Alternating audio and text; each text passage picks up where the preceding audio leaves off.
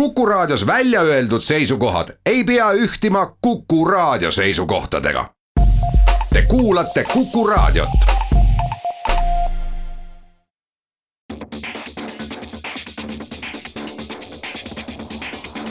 autotund.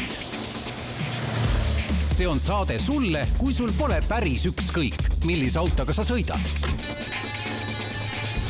tere, Autotunni kuulajad saade eetris, stuudios kaks inimest, Tarmo Tähepõld Geenius autoportaalist ja Raik Ausmees Sõidame erinevatest väljaannetest. Raiko on siin põhjusega, ta käis väga-väga kaugel reisil sellest saate teises pooles, aga alguses võtame mõned uudised. räägime Genfi autonäitusest, räägime, mis toimub sellel Rally Estoniaga ja natukene räägime piirkiiruste tõstmisest või langetamisest Eestis kõige suurem uudis loomulikult on see, et Genfi autonäitus jääb ära. sul olid piletid ostetud? Äh, ühel meie toimetajal olid pressipääsmed olemas ja lennukipiletid ja kõik muu, aga korra veel oli plaan, et äh, äkki läheb koha peale, aga tegelikult eile tühistas need. vot, koroonaviirus, mis seal ikka, aga huvitav on see, kuidas Genfi autonäitus on nüüd siin mõne päevaga muutunud online näituseks, et jumal tänatud internetile, kõik autofirmad, kes plaanisid seal suuri esitlusi, on teada andnud, et nüüd kõik toimub online'is näiteks Aston Martin kolmanda märtsil kell vist oli äkki üheksa hommikul teeb online ülekande. Ma ei tea, mis see oleks, kui meil poleks internetiajastut, et ma, ma, ma ei, noh, kas oleks kogunetud Genfi tänava nurkadele, sest et noh, kinnises, see oli iseenesest põhjendus oli päris hea, et see on ju tegelikult kaks suurt saali, kuhu sajad tuhanded inimesed sisse ja, lähevad. kui võtta et... Genfi eelmise aasta numbrid, siis ta muidugi kestab väga kaua, aga kuussada tuhat inimest käis eelmine aasta Genfi autonäituselt läbi ja Šveitsi riigi otsus oli vist, et üle tuhandepealised nii-öelda üritused on kõik äh, tühistatud praegu mingi, poole märtsini vähemalt, on ju. et äh, natukene ju tegelikult kurb, internetis saab nende autode videosid ja pilte vaadata, jah, nii palju on personaalsem, et erinevad äh, suurte ettevõtete tuli siin ka Koenigseggi pressiteade, et on võimalik telefoniintervjuu kokku leppida Kristjan von Koenigsegiga, et äh, sa saad nendega online'is nii-öelda natukene vahetum, aga ma ei tea, ongi siis nüüd, et tulevik hakkab kätte jõudma ja suured näitused. just nimelt, äh, muuseas, see on ju praegult väga demokraatlik, sest nüüd saavad sellest esitlusest osa kõik autosõbrad, mitte need üksikud, kes saavad Genfi minna, kuigi ma pean tunnistama, ma vist ei, võib-olla ma täna õhtul äh, vaatan äh, Alfa Romeo Giulia ilmselt GTA esitlust, mis peaks toimuma pool kuus siis esmaspäeval, saade on eetris teisipäeval, siis peaks teada juba olema. aga ega ma ei viitsi nüüd küll päev otsa istuda ja neid online ülekandeid vaadata, et selles mõttes on nagu igavam jah, kellel homme hommikul äh, tahtmist on siis kella kümne ajal Volkswageni uudised ära vaadata kõik. ja täna sa ütlesid, et täna kuulutataksegi Euroopa aasta auto välja. esmaspäev siis? esmaspäeval jah, saade meil teisipäeval eetris, aga täna, kui ma nüüd peast mäletan, siis kell kolm oli see mm. ja see samamoodi videovahendus, tegelikult on ta, ta kogu aeg on Euroopa aasta auto äh, ütleme, üks viimased, kas viis aastat on see eh, video vahendusel olnud mm -hmm. ilusti vaadatav, jälgitav, aga nüüd ta siis ka kõigil, et kohapeal ei ole kellelgi võimalik ja. olla vot, ega siis midagi, selle Genf on üks suuremaid autonäituseid, mis siin veel see aasta noh, nagu on kindla peale, sest Frankfurt ju lõpetati ära. Pariis see sügis, kes teab, mis nüüd sellest kõige selle Genfi valguses veel saab? aga autokaarist Matt Prior kirjutas, et kõige hullem asi, mis praegult juhtuda saab, on see, et autofirmad saavad aru, et mitte midagi ei juhtunud, et nad mhm. seal Genfi ei läinud, et et äh, see tähendab seda, et aina raskem on neil siis teha seda rahalist otsust, et järgmine aasta ikkagi kohale minna. muidugi, kui võtta seesama see autofirmade pool ja mille peale võib-olla iga teine inimene ei mõtle, siis see otsus äh, Šveitsis tehti reedel mis tähendas, et tegelikult suured kulutused autofirmadel on kõik Muidugi, tehtud. ilmselt rekkadega oli juba kohal, autod olid kohal, stendid, kõik, kõik tehtud jah, jah, et, et sa, ma ei tea, sellisele asjale ilmselt võib-olla on ka mingi kindlustus kellelgi peale võetud, et midagi saad tagasi. jah ja., kui force majeure, siis nüüd on koroonaviirus just. nii, mis meil ära jäi? Rally Estonia, arvasime, et äkki saateks on rohkem infot äh,, esmaspäeval istusid ühes stuudios Oleg Gross, Urmo Aava nii palju, kui ma seda seal peaaegu tunni aja jooksul jälgida jõudsin, äh, ei saa mina siiamaani aru, mis probleem on. ja tundub, et ka nemad seal otsestuudios täpselt äh, ei saa aru, seal on midagi väga sügavalt, kas siis inimeste mingid arusaamatused, et kõik nagu ütlevad, et rahas ei ole probleem, probleem on mingis ähm, toetamises, kas siis moraalses, et kas hästi, hästi tihti käib läbi see lause, et kas WRC etapi toomine Eestisse on prioriteet ja Eesti Autospordi Liit raiub, et see ei ole prioriteet ja see on mingi, ma ei tea, miks seda peab niimoodi rõhutama. see, et... kuidas seal küll viimased laused on juba olnud, et Äh, on prioriteet, aga mitte number üks, on tähtsamaid ja just, et just, et ta ei ole prioriteet number üks, ma ei kujuta ette, nagu mingi kooriühing vaidleks, et äh, laulupidu ei ole meil prioriteet, meil on noored koorid, aga need kaks on ju eri, täiesti eri asja, noh et. Äh, no ja kuigi, kuigi samas jälle võtta see, et kui sul on endal riigis niivõrd mainekas rallivõistlus, toome sellesama laulupeo näite, ega siis ju äh, minu arust on loogiline no,, et see on prioriteet. kuidas need noored no? sinna laulupeole jõuavad, kui nad ei tea, et see või kui nad ei ole seda asja näinud ja, ja see hakkab, mulle väga meeldis, muuseas mulle meenub kohe eelmise aasta Rally Estonia, kui müüdi ju fännisärke, et äh, Äh, WRC, laste särke siis on ju, et WRC maailmameister mingisugune kaks tuhat nelikümmend viis või mis iganes sinna selja peale oli kirjutatud, natuke liiga vanaks vist tegin need lapsed nüüd, aga aga kaks tuhat kolmkümmend või mis iganes on ju, et see ongi ju see hetk, kus on äh, võimalik ka sellel väga pisikesel, mina olen lastega ise käinud, ma arvan, et poisid olid mingisugune kolm-neli, kui ma käisin seda rallit vaatamas, kui sa tassid nad sinna ralliparki, näitaid ikkagi ka, ka tol ajal niivõrd-kuivõrd maailma tippmasinaid eh, sai näidata, eelmine aasta promotsiooniralli, jah, eile ETV-s küll äh, Oleg Gross üritas väita, et ilmselt seal on rahalised probleemid, et meile ei taheta eelarvet näidata ja ilmselt need on suuremad kui see sada tuhat ja nüüd tahetakse äh, mingisuguse asja taha peituda. No just, aga jama ongi see, et või, või kummaline, et noh, nädal aega on siin see asi peaaegu nüüd käinud, üks on öelnud, kõik on nagu käinud kaamerate ees, nad on koos käinud kaamerates, kõik Eesti põhisaated on juba läbi käidud. absoluutselt, jah. ja ma ei saa ikka aru, kus see kass sealt siis läbi jooksis või mis.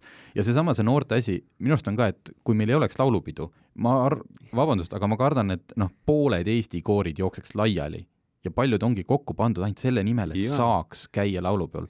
ja kui meil Eestis oleks, on väga kõva ralli, kus saavadki need noored käia kohal maailma tasemel tippudega Nad ei pea käima võtmas. sõitmas, nad saavad seda näha. Nad saavad näha, aga kogeda. sõitjad, ka sõitjad, kui ja. Eesti Autospordiliit räägib nagu äh, noorte pealekasvust, et noh, kuskil mingil suvalisel põrlurallil no ei, noh ei viitsi väga vist lõpuks kasvada, et ma ei tea, ma, ma hetkel nagu vist on kuulda, et ma olen võib-olla natuke Rally Estonia poolt, aga ma ütlen, siin on nii palju vist neid kihte, mida ma ma olen nii jaga. julge mees, et mina ütlen, et ma olen Rally Estonia poolt. selge. loodame, et äh, võib-olla siis nädala pärast saates on kõik juba selgem, sest ma saan aru, et see ralli toimumine on mingi nagu õhk-õrna võimalusena siiski kogu aeg nagu laual kuigi Urmo Aava siinsamas äh, Delfi saates ütles, et ei, et see nagu sellist üritust nagu riik on tellinud riik on ju ka seal oluline osapool, enam ei ole võimalik korraldada. eile oli ka tegelikult Tõnis Lukas andis oma kommentaare, et siin on tõesti nagu kõik, kõik tasandid seda uurinud-puurinud, aga jah, Tarmo ütlesid ilusti, et nädalaga pole nagu kuhugi jõutud, vähemalt avalikkusel pole lõpuni selge. ja siia esimese ploki lõppu veel üks äh, uudis tuli Maanteeametist, üks ekspertkomisjon, mis äh, selle uudises ma lugesin, koguneb peaaegu iga aasta ja peaaegu iga aasta teeb sama ettepaneku, et äh, näiteks üks ettepanekutest on, et teatud teedel tuleks piirkiirus alandada seitsme isegi viiekümne peale. Kui siiamaani on jutt olnud nagu kruusateedest, siis tegelikult käivad sinna alla ka sellised kruusakattega teed, mis nüüd on kaetud selle musta, selle asfaldipuruga. et ta ei ole enam kruus nagu selles vanasti mõistes. ja liiklusekspert Villu Vane ütleb, et, et neid teid, mida kaetakse selliselt, tuleb aasta-aastalt juurde need tehakse tolmuvabaks. jah, just tolmuvabad teed. tolmuvabad teed, aga liikleja võtab, et see on justkui siis nagu asfaltkattega tee, laseb ikka üheksakümnega, aga teede profiil ei muutu. See jääb ikkagi käänuliseks, kurviliseks, tõusud-langud, kraavid. et sõitjal tekib tunne, sel teel sõitjal tekib tunne, et on pidamist rohkem kui kruusateel ja läheb uljalt peale. just, ja lubatud on ju ka, et miks ma siis ei võiks, et et, et see oleks üks võimalus vähendada õnnetusi, teha seal seitsekümmend ja viiskümmend. jaa, ma nüüd ebapopulaarse inimesena kindlasti ütlen, et aga sa tulid just Soomest, kaheksakümne kiiruse piirang.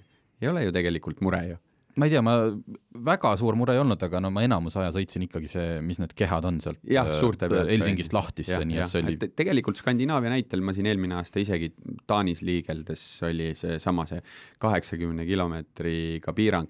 Ja see oli ju ka tegelikult ongi niisuguste pisemate teede peal, Eestis on jah, kuidagi ilus arvamus üldsusel, et kõik on üheksakümmend ja ega siis ju sõidetakse üheksakümmend pluss jah, äh, muidugi on need ju need sinised märgid, kus on soovituslik, et ma ei kujuta ka ette, et seal kurvisel teel nüüd näiteks siis politsei saaks passida, et ahah, tulid siit kaheksakümnega, et siin seitsekümmend lubatud, sul ei ole ruumi mõõta. aga ühesõnaga, selline ettepanek on tehtud, et äkki aitab natuke õnnetusi vähendada. eks siis näis, aga teeme siit pausi.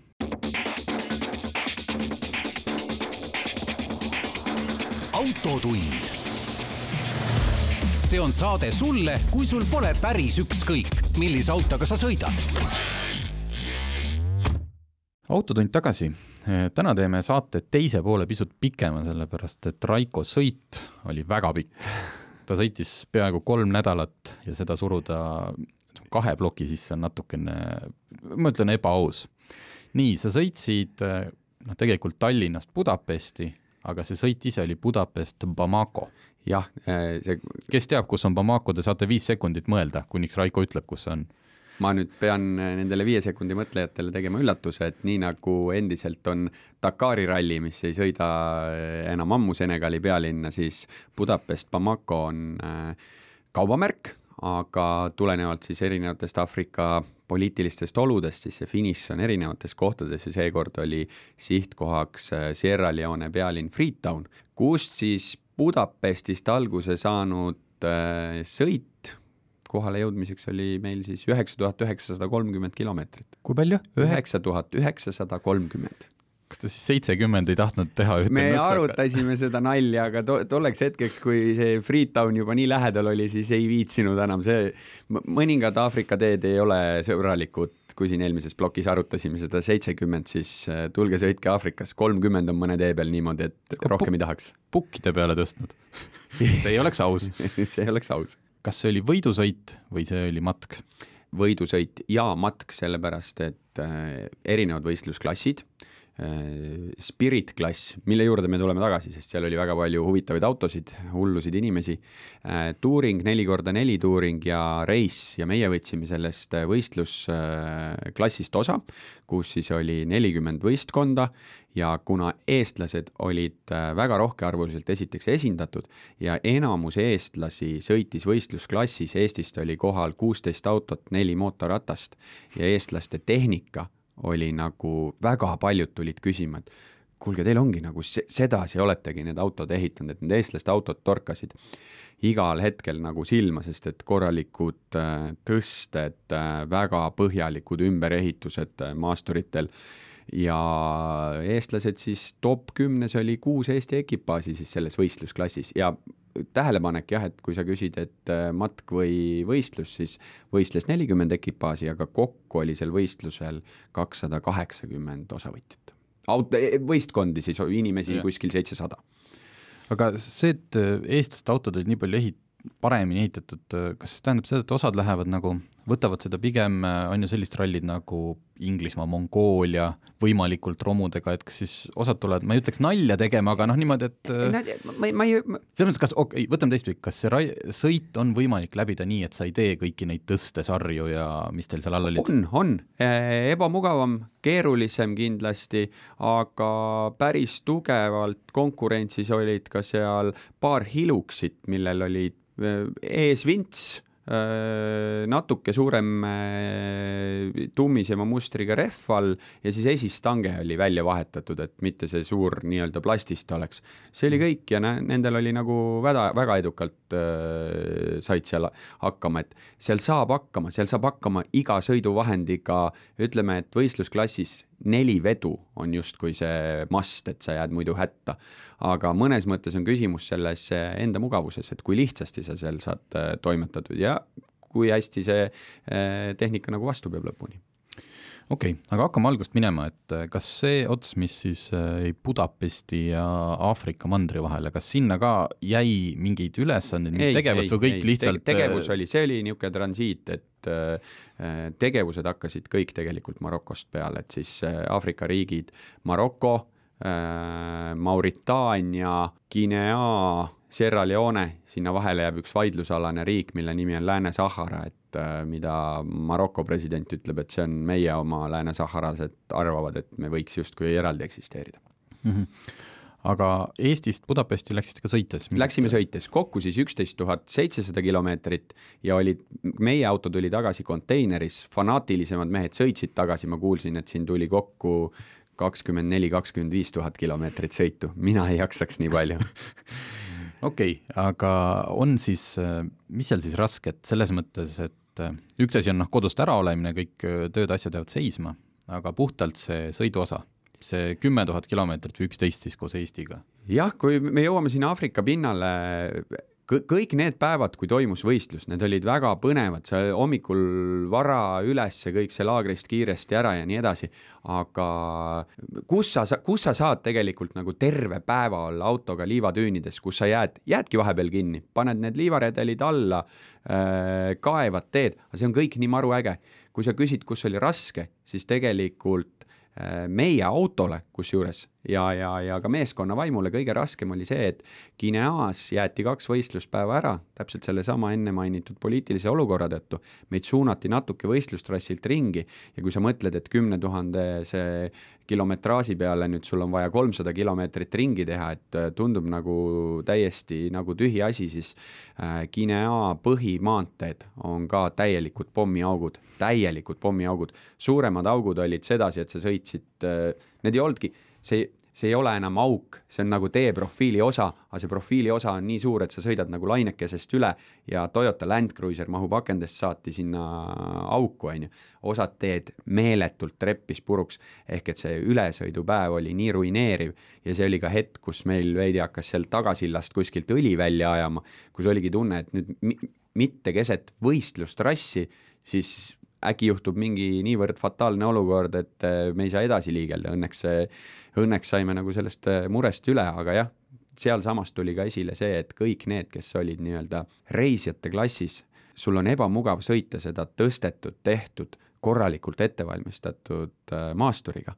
Ja siis sa vaatad Volkswagen Transporter D4, Peugeot sada kuus, Mercedes sada üheksakümmend või siis need, kes seal kiirabi nii-öelda saate medical tiim äh, mingisuguse sprinterbussiga asjaga, äh, peakorraldaja ise sõitis, mis tal nüüd siis oli, klapptuledega Porsche on üheksa neli neli äkki või?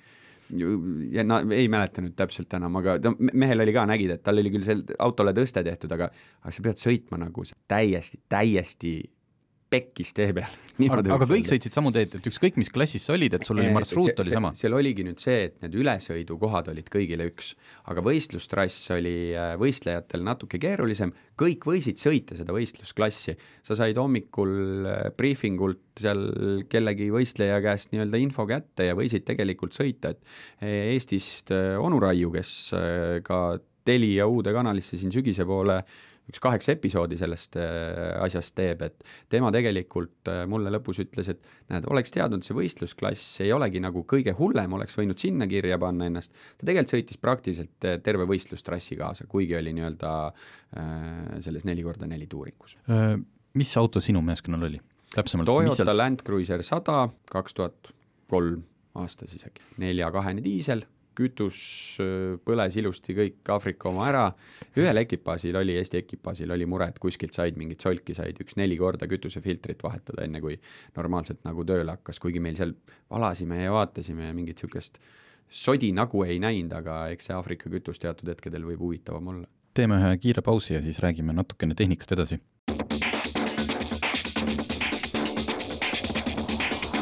autotund see on saade sulle, kui sul pole päris ükskõik, millise autoga sa sõidad. autotund tagasi räägime Raiko Ausmehega, kes sõitis äh, mingil arusaamatul põhjusel Budapestist Freetowni Sierra Leonesse. et võrreldes teistega olid teil hästi ettevalmistatud autod, aga kui te nüüd see auto, see Land Cruiser, millega teie olite, kas tundus mingil hetkel või mõnel etapil, et midagi jäi puudu, et midagi oleks võinud veel teha või et äh, ei, auto taha kindlasti mitte ei äh, jäänud, et äh, kuna niisuguseid ütleme, kihutamise katseid, ta on eelkõige seikluslik võistlus, on ju. et kõige tähtsam oli ikkagi päeva lõpuks see vastupidavus, et auto nii-öelda tehniliste lahenduste taha ei jäänud küll mitte midagi. kui kiiresti ühel liivatüünil kõrbes sõita saab? No ütleme sellise autoga, ma jah ja, mingite spetsautode kindlasti kiiremini, aga sellega. see liiv on üks hästi salakaval asi. Äh, sa võid sõita seal julgelt niisugune sada kilomeetrit tunnis, siis satud sellise, sellise pehme liiva peale, kus järsku voo, see hoog lihtsalt raugeb. tegelikult, kui äh, julgust on ja vedrustus hästi töötab, siis niisuguse maasturiga lase palju tuleb, on ju. et äh, peab jälgima lihtsalt, et kuskilt nagu väga hüppesse ei läheks, et selleks need autod ju ette valmistatud ei ole. aga kas juhtus niisuguseid asju, et äh, mindi kogemata hüppesse mingid teised tiimid, palju katkestajaid oli? tead, ma ei, üritasin seda uurida ja ma ei saanud teada, et kui palju sellest, ütleme, kahesaja kaheksakümnest autost, et kui palju siis ära langes selle trassi jooksul. sest et seal oli väga palju tublisid võistkondi, üks eestlaste võistkond suutis äh, kes oli ka siis äh, rei-, nii-öelda turistiklassis, suutsid oma auto seal savannis külili keerata, aeti mootor uuesti käima, ümber palmipuu vintsiti A-piilar sirgeks, osteti uus klaas ette, see oli vist Land Cruiser üheksakümmend viis, kui ma mäletan. ma just tahtsin küsida, kas nagu hiluks nagu to top gear'is põhimõtteliselt enam-vähem, no auto ikka nägi ja meestel olid just äh, turvavööd kinni, seal mingi plaastrid peale ja entusiasm selles võistkonnas tõusis sellest vahejuhtumist, on ju. et ja sõitsid edasi ja päris paljudel oli seal mingisuguseid olukordi, jäeti näiteks päev vahele ja naasti võistlusele, et üritasin tõesti seal viimastel päevadel aru saada, et palju neid katkestajaid on, aga ei olnud, aga kui sa nüüd küsid selle hüppamise kohta, ega meiegi tegime seal ühe sellise eh, teadliku oli vaja lihtsalt kiiresti ühe tüüni otsa saada. noh, esisild tõusis maast päris kõrgele, kohutava pauguga käib see suur ja raske auto vastu, vastu maad tagasi. aga kui palju teil tekkis siis äh, remondivajadust või kui oleks minimaalselt olnud minimaalselt, minimaalselt, jah. aga kui oleks tekkinud äh, maksimaalselt ehk auto jaoks fataalselt, kas korraldajad oleks aidanud teid ära vedada, kuidas kõik see oli korraldatud?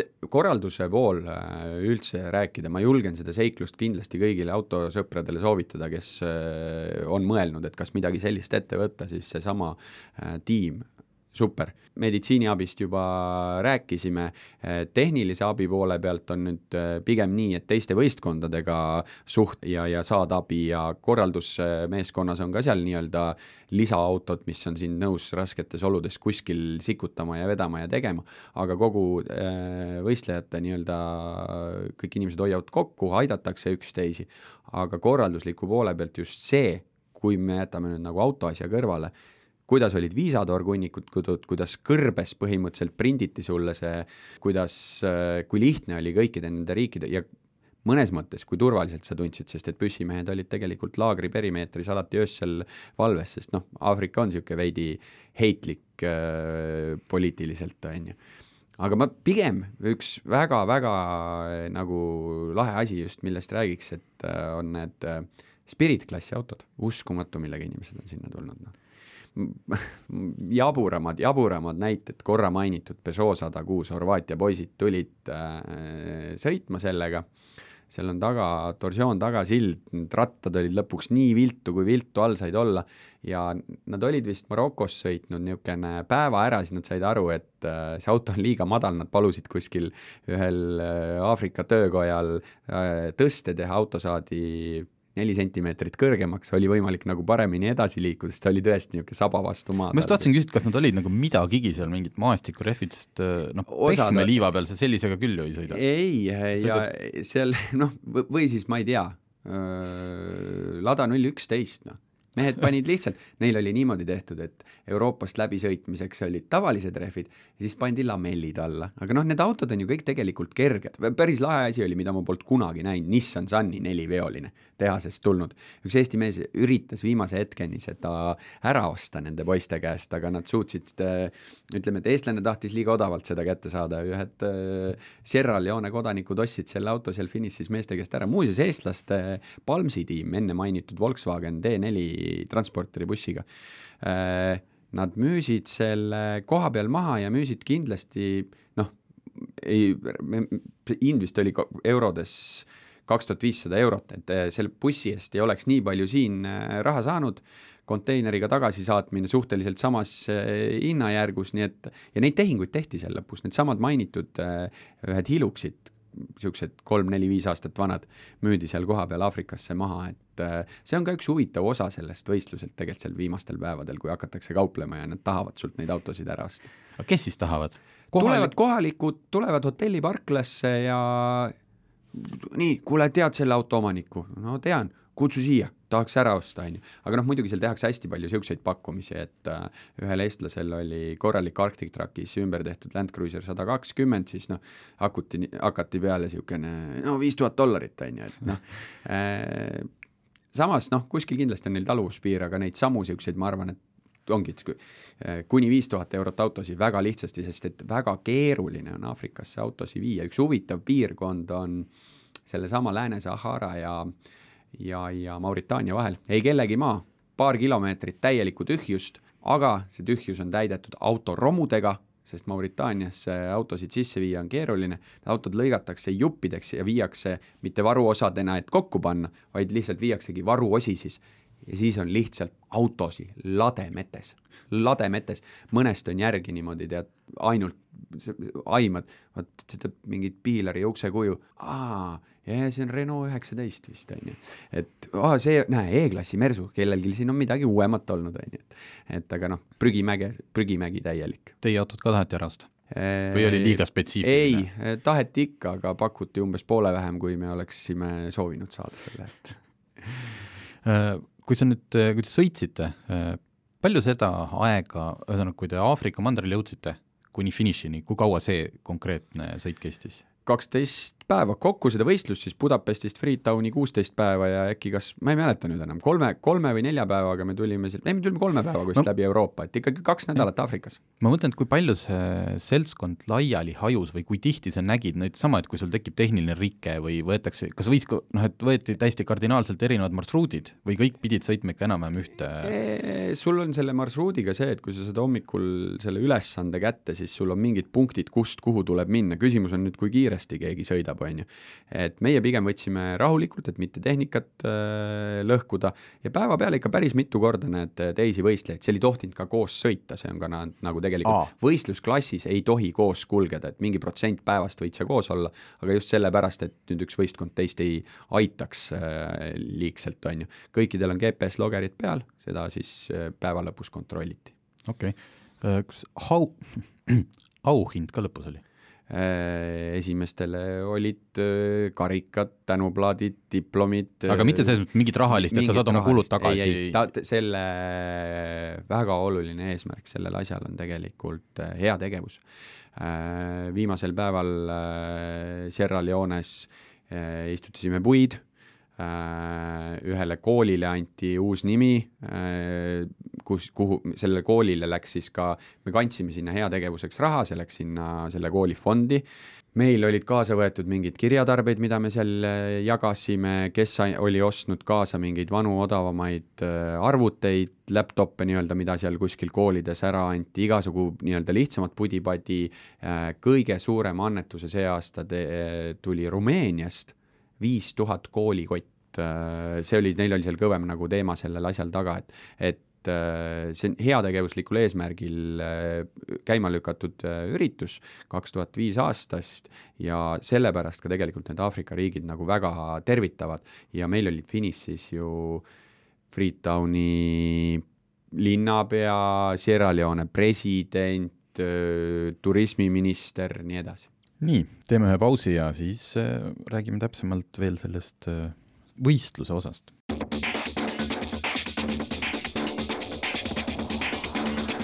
Autotund. see on saade sulle, kui sul pole päris ükskõik, millise autoga sa sõidad. nii, äh, stuudios tagasi, Raiko Ausmees, Tarmo Tähepõld, räägime, kuidas sõita kiiresti läbi Aafrika. küsimus on, et kuna ilmselgelt see ei olnud nagu võistlus aja peale, noh, võidusõit, võidusõit, vaid äh, ülesanded, siis äkki too mõni näide, mis ülesandeid seal täita tuli? Jaa väga, väga, väga, väga erinevad ülesanded, ajaliselt poolelt nii palju, et sul oli ajalimiit ette antud, et äh, kontrollpunktist läks aeg käima ja siis keskmiselt seal kaheksa kuni kaksteist, mõni päev neliteist tundi oli nagu see päevane aeg.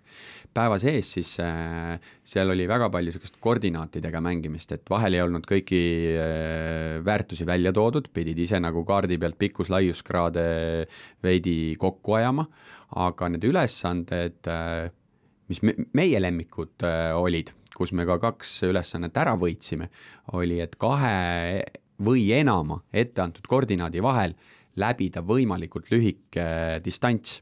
ühe sellise ülesande me võitsime keset liivakõrbe, ehk siis seal oli äkki üks kas kuus või kaheksa punkti, mis olid siis GPS-i koordinaatidena sulle antud ja sa pidid siis ühest teise, teisest kolmandasse ja nii edasi võimalikult otse liikuma.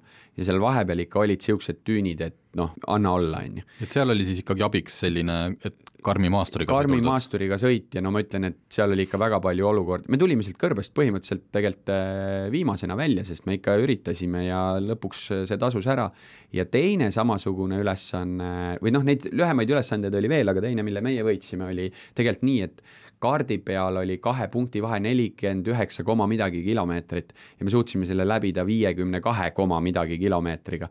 see, ja see oli juba savannis, see oli juba, kus oli puud, põõsad, peidetud kändusid, mägesid ja nii edasi, et me seal ainult ühest mäekesest läksime mööda põnevamad või niisugused lõbusamad ülesanded näiteks, et too turult äh, banaan finišisse äh,, ära korja seda puuotsast, osta, on ju, et pidid näitama siis banaani või siis näiteks äh, äh oli vaja tuua finišisse lumepall äh,, kus siis ütleme võistluslehe pöördel oli alles lõpupoole see ülesanne kirjeldatud ja kes ei olnud tähelepanelik ja tervet võistluslehte läbi lugenud, sa pidid mägedesse tagasi minema, et seda lumepalli tooma, sest selle lumepalli toomise eest oli ikkagi omajagu punkte ette nähtud. või kellel ei olnud külmikut, et seda lund siis lõpuni kuidagi hoida, on ju. Äh, keskmise kiiruse ülesanded, äh, kahe koordinaadi vahel sõita siis, sa ei pea kogu aeg sõitma nelikümmend kaks kilomeetrit tunnis, aga sa võid siis sõita vahepeal kiiremini ja vahepeal oled sunnitud sõitma aeglasemalt, aga põnevamad neist olid näiteks sellised, kus üksteise sees, ütleme, sulle oli antud kuus koordinaati, ühest teiseni üks kiirus, selle sees olid nüüd järgmised koordinaadid, kus tuli nii-öelda teine keskmine kiirus selle lõigu peale saada ja selle sees oli veel kolmas. Ja need kiirused olid väga palju ka erinevad. Ja kaardi pealt tegelikult tasus ette vaadata aerofotosid, et ega sul seal mingeid üllatusi ei ole, mingit jõeületust või siis kui maantee peale see sattus, siis nii-öelda seda kiirteemaksu tolliputkat, mis muuseas Maroko ülesande peal oli, me olime selle ennem ära vaadanud ja arvestasime, et selge, alguses veidi kiiremini, seal kaotad aega ja lõpus nii-öelda passid siis natukene. siis oli väga palju niisugust geopeituse asju, tuli midagi leida, tuli midagi pildistada, tuli leida üles mingi silt, mille peal olevat numbrid kokku liita, küsimus, mis värvi on selle hoone loodepoolne uks näiteks, on ju. kõigepealt jõuad koordinaati, vaatad, nii, mis hoone, kus, aa okei okay,, see hütt, kompass kätte, kus pool see ilmakaar siis nüüd on, on ju, et ta on äh, hästi palju paralleele ikkagi niisugusest klassikalisest maasturiseiklusest, et palju koordinaate, mingeid asju ise leiutada ja selle kaardi lugemisel väga-väga suur äh, roll ja teine asi siis nagu see julgus mingites kohtades ka tegelikult, sest savannis teatud hetkedel ikkagi tuli veidi sedasi sõrmenukid valged ja kiiresti ikkagi sõita. just kiiresti selles mõttes, et kui sa mõtled nende teeolude peale. mitmekesi te autos olite? kolmekesi. kuidas see töötas? selles mõttes, kas peale kahte nädalat või isegi kolme oleksite veel sõitnud? oleksime veel sõitnud, ei, seltskonnal ei olnud, mul sõber viskas nalja, kuna meil autoraadio seal tegi viperdusi, siis ütles, et näed, vaata kui hea, et Raiko kaasas oli, et meil ju raadio ei töötanud aga aga õhtuti ööbimine, kõik see eh, infra ka,? kaks meest katusetelgis ja kolmandal oli siis niisugune lavats autosse sisse ehitatud, autosalong oli ka, muuseas oluline märkus kõigile, kes plaanivad endal maasturit eh, ümber ehitada ja ja selle tarkuse me saime tegelikult neli korda neli reisimeeste käest ja hiljem, nüüd olles mõnda nende episoodi vaadanud, torkas see alles silma.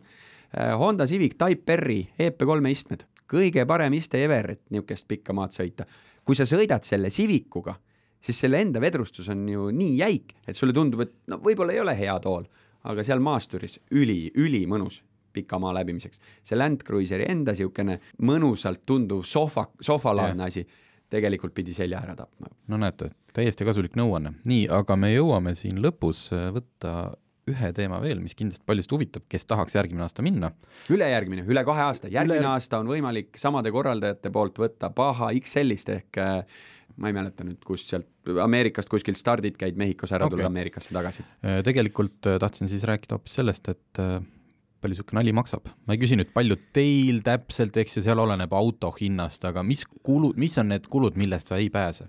Äh, osavõtutasu oleneb registreerimise hetkest, oleneb võistlusklassist, hakkab seal uh, kui peast mäletan, kuskil tuhandest eurost tiimi kohta, on ju, kuni äkki kahe poole tuhandeni välja, ma ütlengi, see ongi nagu, oleneb ka nendest registreerimise hetkedest ja palju te autos olete ja mis lisaasju sa sinna juurde tahad. kütust arvutage kõik ise, tuhat kaheksasada, tuhat üheksasada liitrit, korraldage küt-, korrutage kütuse hinnaga läbi.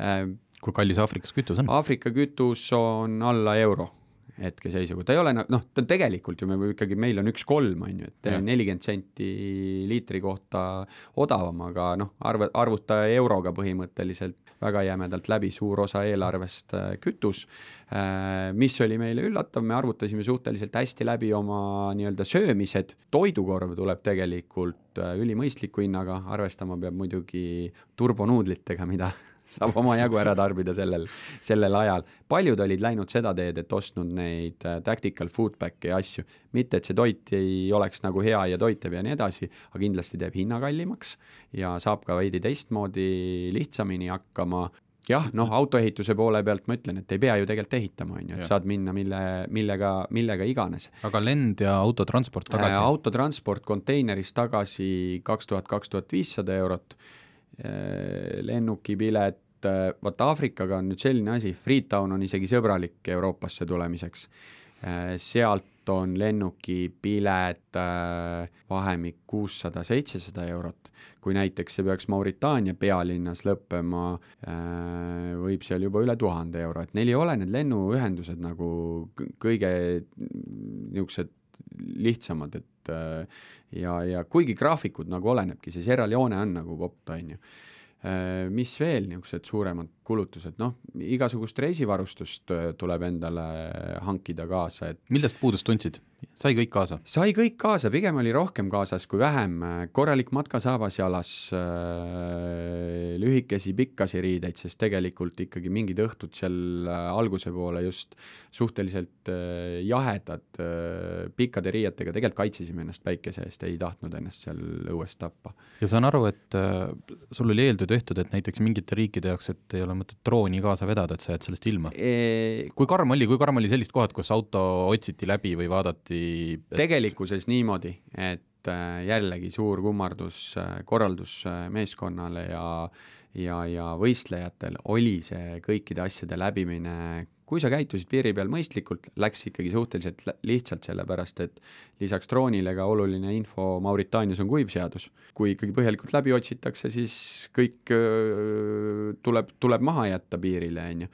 ja tegelikult oli päris mitmel võistkonnal droon kaasas, lihtsalt kuhugi siis niimoodi ära pakitud, et silma ei, silma ei torkanud nii, kahjuks on meie saateaeg läbi, ma saan aru, et sa käisid ühes teises saates rääkimas ka rohkem nagu nendest riikidest ja, ja riikidest, just. just, et siis guugeldage Raiko Ausmees, Ivo Tšetõrkin küll üles leiate.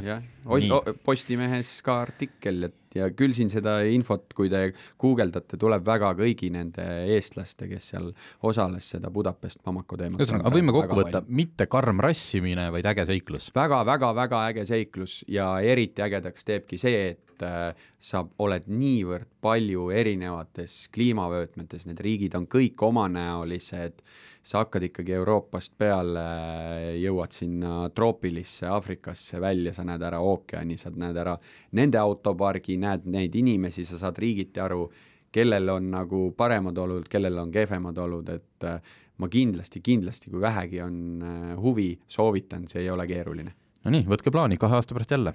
aitäh, et tulid! ja palun!